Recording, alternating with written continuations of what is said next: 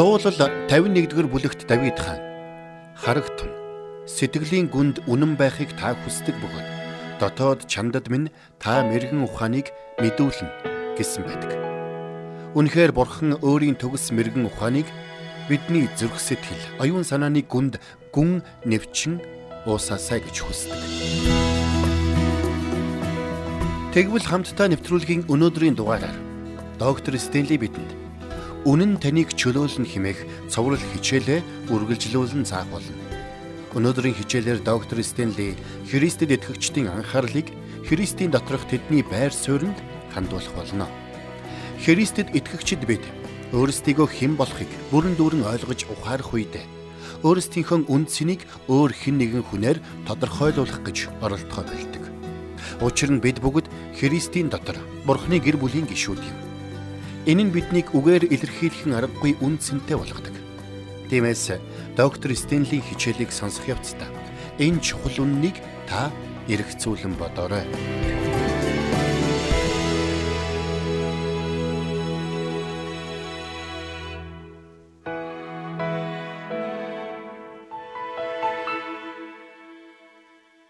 Библиэд хэлэхдээ үнэн та нарыг чөлөөлнө гэсэн байдаг. Үнэхээр үнэн таныг чөлөөлсөн бол таны амьдрал бүхэлдээ чөлөөлөгдөх болно. Заримдаа та өөрийгөө хүлээстэй байгаагаа ч өөрөө мэдэхгүй байж болох юм. Магадгүй та олон жилийн өмнө Христэд итгэсэн ч яагаад одоо хүртэл итгэлийн амьдралдаа аз жаргалтай сэтгэл хангалуун байж чадахгүй байгаагаа ойлгохгүй явсаар ирсэн байж ч болох юм. Магадгүй та итгэлийн амьдралдаа сэтгэл дундуур явсаар ирсэн байж болно. Хэрвээ тийм бол та өнөөдрийн номлолыг анхааралтай сонсоорой. Бурхан таны зүрхэнд үгээ хэлж Таны амьдралд бүх жинхэнэ асуудлыг танд харуулах болно гэдэгт би итгэлтэй байна. Хэрвээ та өнөөдөр сонссон бүхний амьдралдаа хэрэгжүүлэх юм бол таны амьдралд эрх чөлөө ирж та урд өмнө мэдэрч байгаагүй тэр эрх чөлөөг мэдрэх болно. Ингээд хамтдаа Библийн шинэ гэрэндэх Иохан номноос харцгаая. Иоханы 8 дугаар бүлгийн 31-ээс 36-г уншиж өгье. Есүс өөрт нь итгэсэн евдээчүүдэд хэрвээ та нар үгэн дотор маань байвал үнэхээр миний дагалдагчд байна. Тэгээд та нар үннийг ойлгож үнэн та нарыг чөлөөлнө гэв. Тэд хариуд нь түнд. Бид Авраамийн удам бөгөөд хизээч хүнд ч боолчлогдож байгаагүй. Та нар эрх чөлөөтэй болно гэж та юунд хэлнэ вэ гэв. Есүс тэдэнд үннээр үннээр би танарт хэлье. Нүгэл үлдэгч бүр нүглийн боол мөн. Боол герт мөнхөд байдаггүй. Харин хүү бол мөнхөд байна. Тиймээс хүү та нарыг чөлөөлвөл та нар үнэхээр эрх чөлөөтэй болно гэв. За тэгэхээр энд эзэн Есүс эрх чөлөө гэж өгүүлсэн байна. Тэгвэл энэ эрх чөлөө гэдэг нь яг юуны тухай өгүүлсэн бэ гэдгийг танд хэлж өгье. Энэ нь таныг Бурхны хүслийн дагуух хүм болон өөрчлөгдөхөд саад болж буй альва сөрөг бодлууд, сөрөг хандлагууд болон муу зуршлуудын хүлээснээс ангижрахын нэр юм. Тэгвэл тэр бүхнээс таныг чөлөөлөхөд шаардлагатай гурван чухал ойлголт бий. Таныг Бурхны хүслийн дагуу хүн болгон өөрчлөгдөж, Бурхны хүссэн амжилтад хүрэхэд чинь туслах гурван чухал ойлголтын эхнийх нь Христийн доторх таны байр суурь юм. Үнэхээр юуны түрүүнд бид Христийн доторх өөрсдийн байр суурийг ойлгох хэрэгтэй. Үүнийг ойлгохоос нааш бид Бурхны бидэнд хүсэж буй тэрхүү амар тайван аюулгүй байдлыг мэдэрч чадахгүй. Тэгвэл Христийн доторх бидний байр суурь гэж чухам яг юу юм бэ? Энэ нь яг юу гэсэн үг юм бэ? Үүний хариултыг ойлгохын тулд хамтдаа Библиэс харцгаая. Юуны өмнө 2 дугаар Коринт номын 5 дугаар бүлгийг гаргаад энд Илч Паул Христийн доторх бидний байр суурийг хэрхэн тайлбарсныг харцгаая. Тэгвэл энэ нь яг ямар байр суурь юм бэ? Энэ бол ариун сүнсээр дамжуулаад бидний амьдралд өгөгдсөн онцгой байр суурь юм.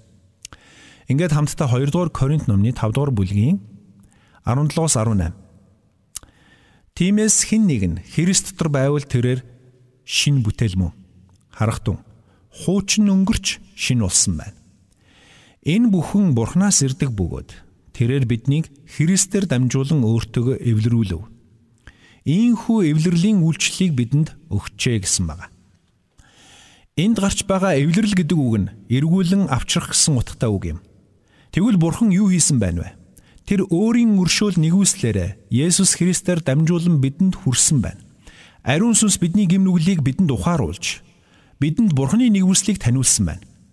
Тинхүү бурхан биднийг өөртөө эргүүлэн авчирч бидэнтэй эвлэрсэн. Тиймээс нэгэнт эргэн ирсэн учраас бид одоо бурхантай хамт байна. Бид эргээд Есүс Христээр дамжуулан бурхантай нэгдсэн байна. Харин үүний үр дүнд өөр нэгэн зүйл мөн бий болсон байна. Үүнийг Иохны 1:12-д ийхүү өгүүлсэн байгаа юм. Харин өөрийг нь хүлээн авсан болгонд өөрийнх нь нэрэнд итгэгчдэд тэрээр Бурхны хүүхэд болох эрхийг өглөө гэсэн байна. Бурхан юу хийсэн гэсэн бэ? Тэр бидэнтэй эвлэрч бидний гим нүглийг уучлаад зогсохгүй. Биднийг Бурхны хөвгүүд охид болгосон байна. Тэгвэл Христийн доторх бидний байр суурь чухам юу юм бэ? Есүс Христээр дамжуулаад бид Бурхантай эвлэрсэн амьдралаар амьдрах болсон. Үүгээр зогсохгүй бид Бурхны хүүхдүүд болсон юм. Эндээс дахин нэг алхам үргэлжилцгээе. Колосо 1:13 дээр Тэр биднийг харанхуйн эрх мэдлээс авраад хайрт хүүгийнхээ хаанчлалд шилжүүлсэн юм а гэсэн байгаа. Эндээс харвал бид Бурхны гэр бүлийн гишүүд болоо зогсохгүй түүний хаанчлалын иргэд болсон байна. Бид бүхнийг зөвхт байдалд дор захирдаг Бурхны хаанчлалын нэгэн хэсэг болсон байна. Бид Есүс Христэд итгэх итгэлээр дамжуулаад ариун сүнсний баптизм хүртэж нэгэн цагт Адамын гим нүглийн хүлээс дор байсан бол харин одоо Христийн дотор байх болсон байна. Учир нь бидний гимнүгэл уучлагдаж бид бурхантай эвлэрсэн. Одоо бидний байр суурь нүглийн боол биш харин бурхны гэр бүлийн гишүүд, бурхны хаанчлалын иргэд болсон байна. Дараагийн ишлэгийг хамтдаа харцгаая л да. Энд үнэхээр гайхамшигтай үгс бичигдсэн байгаа. Ингээд хамтдаа Эфес номын 2-ын 8-9. Нэгүслийн учир итгэлээрээ аврагдсан та нараас бус харин бурхны бэлэг бөгөөд үйлсэр чинь биш тул хинч үл сайрхах болно Энэ ишлэлийг бид маш сайн мэднэ. Гэхдээ энд бичигдсэн үгсийн жинхэнэ утгыг ойлгохын тулд бид өмнөх хэсэг буюу Эфесийн 2-ын 4-өөс 7-ыг харах хэрэгтэй. 4-өөс 7 дээр ийм хөвгүүлсэн байна. Биднийг хайрлсан агуу хайраараа өршөөлөр баян бурхан маань алдаа зөрчил дотроо өгсөн биднийг Христтэй хамт амьд болгосон юм. Та нар нэгүслэр аврагдсан билээ. Есүс дотор биднийг түүгээр амьлуулж түүнтэй хамт Тэнгэрлэг оршихуд суулгасан. Христ Есүс дотор бидэнд хандсан түүний нэгүслийн хэмжээшгүй баялагийг эрх өдрүүдэд үзүүлэхийн тулд юмаа гэсэн байна. Одоо миний хэлэх үгийг та анхааралтай сонсоорой. Христэд итгэснээр бидний байр суурь бүхэлдээ өөрчлөгдсөн гэдгийг Паул энд хэлсэн байна. Энэ байр суурь нь Бурхантай эвлэрсэн, Бурхны гэр бүлийн гишүүн болсон, мөн Бурхны хаанчлалын иргэд болсон байр суурь юм. Гэхдээ эдгээрээс хавьгүй илүү нэгэн чухал зүйлийг хэлмээр байна. Таныг Есүс Христэд итгэсэн тэр мөчөд Бурхан таныг Христтэй хамт Тэнгэрлэг оршихуд суулгасан явдал юм. Энэ нь юу гэсэн үг юм бэ? Энэ нь Адамын гим нүгэл дотор байсан таныг аваад Христийн дотор тавьсан гэсэн үг. Тиймээс бид Христтэй нэгдсэн учраас Христийг үхэхэд бид үхэж, Христийг оршуулахад бид оршуулгадж, Христийг амилахад бид амилж, Христийг Тэнгэрт отоход бид бас түүнтэй хамт Тэнгэрөөд өргөгдсөн гэсэн үг юм. Тиймээс Христ яг одоо Бурхан эцгийнхээ баруун гар талд залран байгаачлан таач бас Христийн дотор байр суурийн хувьд яг одоо Христтэй хамт Тэнгэрлэг оршихуд заларсан байна гэсэн үг. Юу гинэ? Би одоо энд байгаа байж яхаараа нэгэн зэрэг тэр дээр байна гэж хэмээн гайхаж байж болох юм. Тэгвэл би танаас асууя. Тэр таныг хэрхэн аварсан юм бэ? Итгэлээр аварсан. Та яаж тэр авралыг авсан юм бэ? Христэд итгэснээр тэгвэл таны одоо цагт итгэж байгаа итгэл 2000 жилийн тэртет болсон Христийн авралын ажилтай ямар холбоотой юм бэ? Мэдээж энэ бүхнийг 100% бүрэн тайлбарлаж бид чадахгүй. Бурхны төгс агуу хэмжээшгүй мэрэгэн ухааныг бид хизээж бүрэн дүрэн ойлгож тайлбарлаж чадахгүй. Гэхдээ би үнийг Библийн үгээр нь тайлбарлая. Хамтдаа эхлээд Эфес номын 2-ын 4-өөс 5-ыг харъя. Энд биднийг хайрлсан агуу хайраараа өршөөлөр баян бурхан маань алдаа зөрчил дотроо үхсэн биднийг Христтэй хамт амьд болгосон юм. Та нар нэгүслэр аврагдсан билээ гэсэн байна. Өөрөөр хэлбэл Паул биднийг аль хэдийн үхсэн байсан гэж хэлсэн байна. Өөрөөр хэлбэл бидний бие махбод амьд бодож сэтгэж мэдэрч байгаа боловч бидний сүнс үхсэн байсан гэсэн үг юм. Харин Христэд итгэх үед тэр биднийг Христтэй хамт амьлуулж биднийг Христтэй хамт Тэнгэрлэг оршихуд суулгасан байна. Тэгвэл Есүс Христ Тэнгэр рүү дотохдоо хэнийг өөртөөгөө хамт авч явсан юм бэ? Таныг бас хамт авч явсан гэсэн үг. Христэд итгэх үед ариун сүнс бидний дотор нутаглах болсон. Гэхдээ ариун сүнс таны дотор эрэхтэй. Таны Христийн дотор Тэнгэрлэг оршихуд суулгасан юм. Хэдийгээр таны бие энд, таны сүнс энд байгаа боловч хэдийгээр та бодож сэтгэж хооллож алхаж байгаа боловч таны байр суурь орвонгоороо өөрчлөгдсөн юм. Та одоо Христтэй хамт Тэнгэрлэг оршихуд заларсан. Та мөнхийн мөнхөд Бурхантай хамт байх болсон. Хэрвээ та нэгэнт аль хэдийн бурхны тэнгэрлэг оршууд байгаа юм бол авралаа яаж алдах юм бэ? Авралаа алдах ямар ч боломжгүй юм. Гэхдээ надад тийм мэдрэмж төрөхгүй л байна л да гэж та бодож байна уу? Тэгвэл би танаас асууя. Миний танд хэлсэн үг үнэн үү худлаа юу? Би сайн ойлгохгүй байна гэж та бодож байна уу? Ойлгох ба ойлгохгүй байх нь тэмч чухал биш. Харин миний хэлсэн үг үнэн үү худлаа юу гэдэг хамгийн чухал юм. Би танд үннийг хэлсэн. Учир нь Библиэд хэлэхдээ Бурхан таныг аварсан тэрл мөчөд таныг Есүс Христтэй хамт Тэнгэрлэг оршихуд суулгасан гэдгийг тунхагласан байна. Энэ бол гим нүглээс золигдсон аврагдсан цоо шин болсон та юм. Тиймээс нэгэнт та байр суурийн хувьд Христтэй хамт юм бол таны мөнхийн амч мөн Христийн дотор баталгаатай юм. Тиймээс энд та нэгэн чухал зүйлийг ойлгох хэрэгтэй.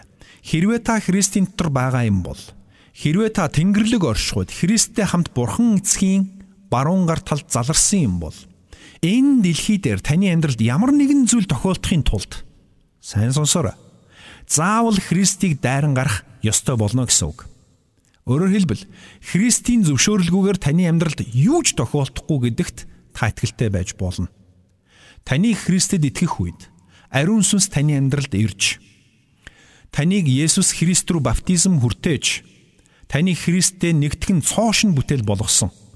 Та Бурхны гэр бүлийн гишүүн, Бурхны хаанчлалын иргэн Тэнгэрлэг оршихуд Бурхны баруун гарт талд Христтэй хамт заларсан нэгэн болон хувирсан юм. Энэ бол таны Христ доторх байр суурь. Та энэ байр сууриа мэдэрч чадахгүй байж болохч үүнийгээ итгэлээр хүлээн авах учиртай юм шүү. Яг л Есүс Христийг аврагчаа болгон итгэлээр хүлээн авсан шигэ таныг Есүс Христтэй хамт Бурхны баруун гар талд Тэнгэрлэг оршихуд хамт суулгасан гэдгийг Библи гэрчилдэг. Тиймээс таны мөнхийн ирээдүй Христийн дотор бат найдвартай болсон юм. Цаашилбал та Тэнгэрлэг оршихуд Христийн дотор байгаачлан энэ дэлхий дээр ч мөн Христийн дотор байгаа юм. Үүнхээр Библиэд бичгсэнчлэн Есүс Христэд итгэсэн бид Христийн дотор Христ бидний дотор байна. Эфесийн 2-ын 4-д хэлэхдээ биднийг хайрлсан агуу хайраараа өршөөлөр баян бурхан маань алдаа зөрчил дотроо өвгсөн байсан биднийг Христтэй хамт амьд болгосон юм а гэсэн байдаг. Тэр биднийг амьд болгоо зогсохгүй. Есүс дотор биднийг түүгээр амьлуулж түүнтэй хамт Тэнгэрлэг оршихуд суулгасан гэж Библиэд хэлсэн байна. Хэрвээ таны мөнхийн ирээдүй ийхүү найдвартай болсон юм бол энэ дэлхийн юунд та санаа зовно вэ? Үнэхээр орчлон ертөнцийг бүтээсэн агуу бурхан та биднийг хайрлсан учраас бидний амьдралд агуу ажиллаа хийж бидний амьдралыг мөнхийн мөнхөд баталгаатай болгосон. Бидний авралыг ирээдүйд баталгаатай болгоно гэж хэлээгүй. Харин яг одоо баталгаатай болгосон гэж хэлсэн. Дараа биш. Яг одоо гэж хэлсэн. Тэр өөрийн өршөөл нэгүслээрээ биднийг Христтэй хамт Тэнгэрлэг оршихуд суулгасан. Тэгвэл юуны төлөө бурхан бидэнд үүнийг хийсэн юм бэ? Шалтгаан нь хамтдаа Эфесийн 2-ын 7-оос харъя. Христ Есүс дотор бидэнд хандсан түүний нэгүслийн химжээшгүй баялагийг ирэх үеүүдэд үзүүлэхийн тулд юм а хэмээн энд бичигдсэн байна. Өөрөөр хэлбэл Бурхан биднийг яг одоо Есүс Христтэй хамт Тэнгэрлэг оршихуд суулгасан байгаа нь тэр өөрийн нэгүслийг ямар химжээшгүй агуу болохыг бидэнд төдийгүй ирэх үеүүдэд гэрчлэн тунхаглахын тулд байх нь. Тиймээс бидний эрх чөлөөнд хүргэх эхний үнэн Христ доторх бидний байр суурьтай холбоотой юм. Тэгвэл Христийн дотор бидний байр суурь юу юм бэ? Бид Христийн дотор Христ бидний дотор байна. Бид Бурхантай эвлэрсэн эвлэрэл дотор байна. Тэр биднийг өөртөөгөө эвлэрүүлээ зогсохгүй, биднийг хөвгүүд өгтөө болгосон байна. Тэр бидний гэр бүлийнхээ гишүүн болгож, хаан тулсынхаа иргэн болгоод зогсохгүй Христтэй хамт яг одоо Тэнгэрлэг оршихуудаа биднийг суулгаж байна. Тиймээс Христийн дотор бидний байр суурийн улмаас бидний мөнхийн ирээдүй, мөнхийн амьдрал баталгаатай болсон юм. Тэгвэл энэ үнэн бидний амьдралыг хүлж буй тэр бүх сөрөг зүйлтэй ямар холбоотой юм бэ? Бидний дотор төрдөг хинтч харьяалагдахгүй гологдол хаягдсан мэд тэр бүх мэдрэмж бол бүхэлдээ сатааны хуурам мэхлэлт юм шүү. Учир нь бурхан бидэнд хэлэхдээ чи минийх би чамайг хүүгээ болгосон, охиноо болгосон. Би чамайг гэр бүлийнхээ гишүүн болгон үрчлэн авсан. Би чамайг хаанчлалынхаа иргэн болгосон гэж хэлдэг юм. Түүгээр зогсохгүй тэр биднийг Есүс Христтэй хамт Тэнгэрлэг оршихуудаа суулгасан. Та аль хэдийн тэнд сууж байна. Тинхүү та бурхантай хамт мөнхийн мөнхөд хаанчлах болно.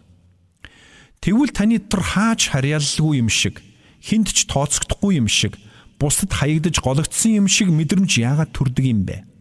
Магадгүй таны ойр дотны хүмүүс, найз нөхөд чинь таныг үл тоосон байж болно. Тэгээд юу гэж? Тэд танд яаж хандхаас үл шалтгаалаад тантай мөнхийн мөнхөд хамт байх, таны жинхэнэ төгс найз тантай хамт байгаа гэдгийг та битгий мартаарай. Тиймээс танд хаягдсан гологдсон мэт мэдрэмжийг тээх бодтой шалтгаан байхгүй гэсэн үг. Учир нь та одоо бурхных болсон. Бурхан таныг хаяхгүй, голохгүй. Тэр тань руу гараа сунгаж, таны гараас хөтөлж, таныг өөртөө дуудаж, тантай эвлэрсэн. Тэр таныг гэр бүлийнхээ гишүүн болгож, хаан тулсынхаа иргэн болгосон. Түүгээр зогсохгүй таныг Есүс Христтэй хамт Тэнгэрлэг оршихуд Бурхан эцгийн баруун гар талд суулгасан. Гэтэл ийм байсаар байтал та яагаад өөрийгөө голох, өөрийгөө чамлах мэдрэмжид автдаг юм бэ? Яагаад гэвэл сатан танд үргэлж чи үүнийг чадахгүй, чамд ийм зүйл байхгүй, чиний ажил бүтэхгүй, чи өөрийгөө хин гэж бодоод байгаа юм бэ гэж шивнэж байдаг юм.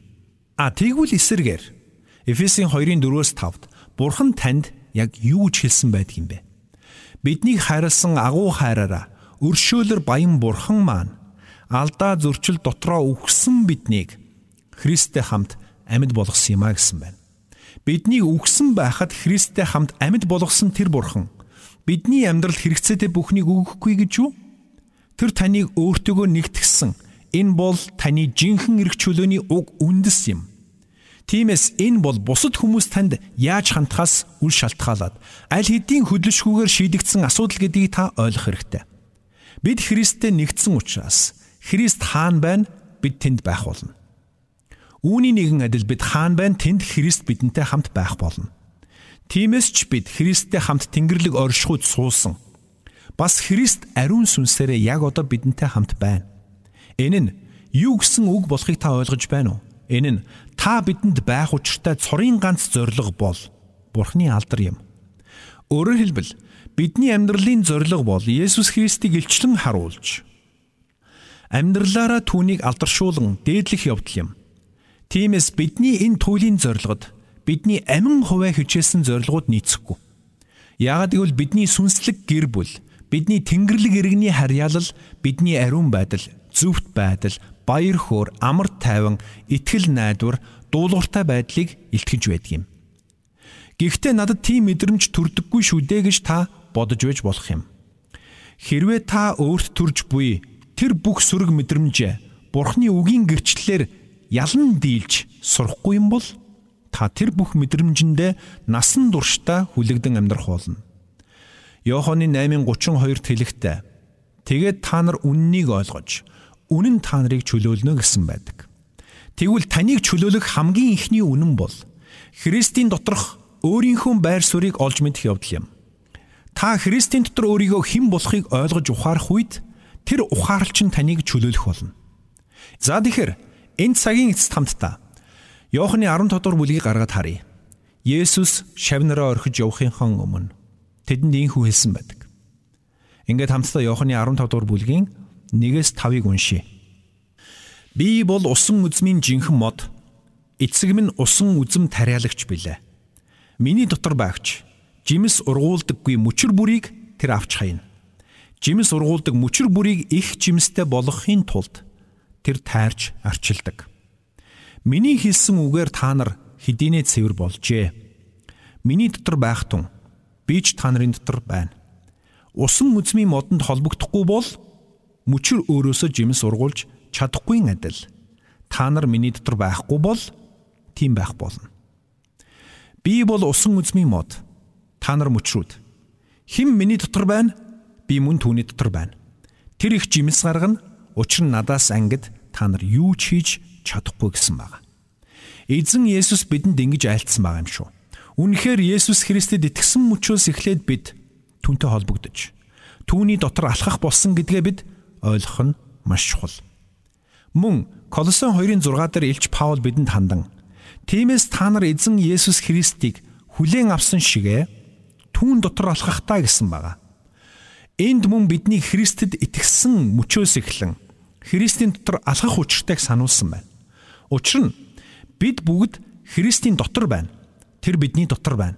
Энэ бол бидний жинхэнэ байр суурь юм. Бид энэ байр сууриа мэдрэмжээр биш харин итгэлээр хүлээж авах учиртай юм. Тэр цагт та өөрийгөө хаанч харьяалалгүй хинт ч хэрэггүй гологдож хаягдсан нэгэн биш. Харин бурхан эцэгт харьяалагдсан. Бурханы гэр бүлийн гишүүн болсон. Бурханы хаант улсын иргэн бөгөөд Эфесийн 2-ын 6-ад бичигдсэнчлэн түүнтэй хамт Тэнгэрлэг оршихуйд суусан нэгэн гэдгээ ухаарах болно. Тиймээс найз минь өөрийн дотор төрж буй мэдрэмжэндээ бүүхлэгд. Бие минь энд байхад Би яаж нэгэн зэрэг Бурхны Тэнгэрлэг орших үед Христтэй хамт байгаагаа ойлгож чадахгүй байна гэж бүү тэнэгэлз. Үнэн дээр Бурхны зарим үннийг бид хизээч бүрэн дүүрэн ойлгож ухаарч чадахгүй. Жишээ нь бид Христийн амьлалыг бид бүрэн дүүрэн тайлбарлаж хэлж чадахгүй. Түүнийг хэрхэн онгон майраас мэндэлсэн болохыг, түүнийг хэрхэн үхлээс амилсан болохыг, бид бүхэн яаж Христэд итгэх итгэлээр дахин төрдөг болохыг бид нэг бүрчлэн бүрэн тайлбарлаж ярьж чадахгүй. Гисэн хэдий ч бид тэр бүхнийг итгэлээр хүлээж авах үедээ үнэн болохыг нь мэддэг юм. Үүний нэгэн адил Бурхан биднийг эрх чөлөөтэй болгоход хангалттай үннийг өгсөн. Гэхдээ бид тэдгэрийг бүрэн дүүрэн ойлгож ухаарч тэр бүр чадахгүй. Бид яаж дэлхий дээр болон Тэнгэрлэг оршихуд нэгэн зэрэг байж болохыг бид бүрэн дүүрэн ухаарч чадахгүй байж болно. Гэхдээ л энэ бол миний хөө чиний байр суурь юм шүү гэж Бурхан хэлсэн л бол энэ бидний байр суурь. Та Христийн дотор энэ хүү байр сууриа итгэлээр хүлээн авахаас нааш хизээч бүрэн дүүрэн эрх чөлөөг мэдэрч чадахгүй. Тиймээс эцэст нь Бурхан бидэнд өөрийн гайхамшигтай үннийг илчилж өгдөг нь биднийг Бурханы хүслийн дагуух хүмүүс болон өөрчлөгдөж бидний амьдралд хандсан Бурханы зорилгыг бид бүрэн дүүрэн биелүүлж амьдрч чадахын төлөө юм шүү. Христэд итгэгчид бидний амьдралын туйлын зорилго нь Бурхныг алдаршуулж, түүнд хүндлэл, мөргөл, магтаалыг өргөх явдал юм. Тиймээс бидний амин хувиа хичээсэн аливаа зүтгэл бүхэн бидний энэ туйлын зорилготой зөрчилдөж байдаг. Тэгвэл доктор Стенли бидэнд Есүс Христийн доторх бидний байр суурийг дахин сануулж, бидний амьдрал дуулууртай байдал, баяр хөөр, амар тайван, урам зоригоор дүүрэн байх учиртайг онцоллоо. Цаашилбал Христэд итгэгчид бид хүнд хэцүү нөхцөл байдлуудаас үүдэлтэй сөрөг сэтгэл хөдлөлүүдтэй автан амьдрах нь зохимжгүй юм. Тиймээс хамтдаа Филиппой 4-р бүлэгт Илч Паулийн бидэнд өгсөн дараах зөвлөгөөг даган амьдрцгаая. Эцэст нь ах トゥ нараа юу нүн юу нь хүндэтгэлтэй юу нь зөв юу нь ариун юу нь сайхан юу нь сайшаалтыг мөн аливаа сайн үйл байвал магтууштай ямар нэгэн юм байгаа бол эдгээрийг тунгаацгаа. Та нар надаас суралцсан, хүлээн авсан, сонссон, харснаа хэрэгжүүл. Амар тайвны бурхан та нартай хамт байх болно. Амен.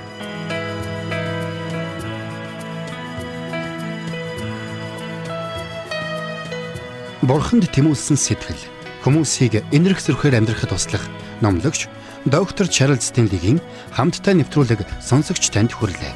Нэвтрүүлгийг дахин сонсох хүсвэл ихтгэл радиоцик.com-оор зочлоорой.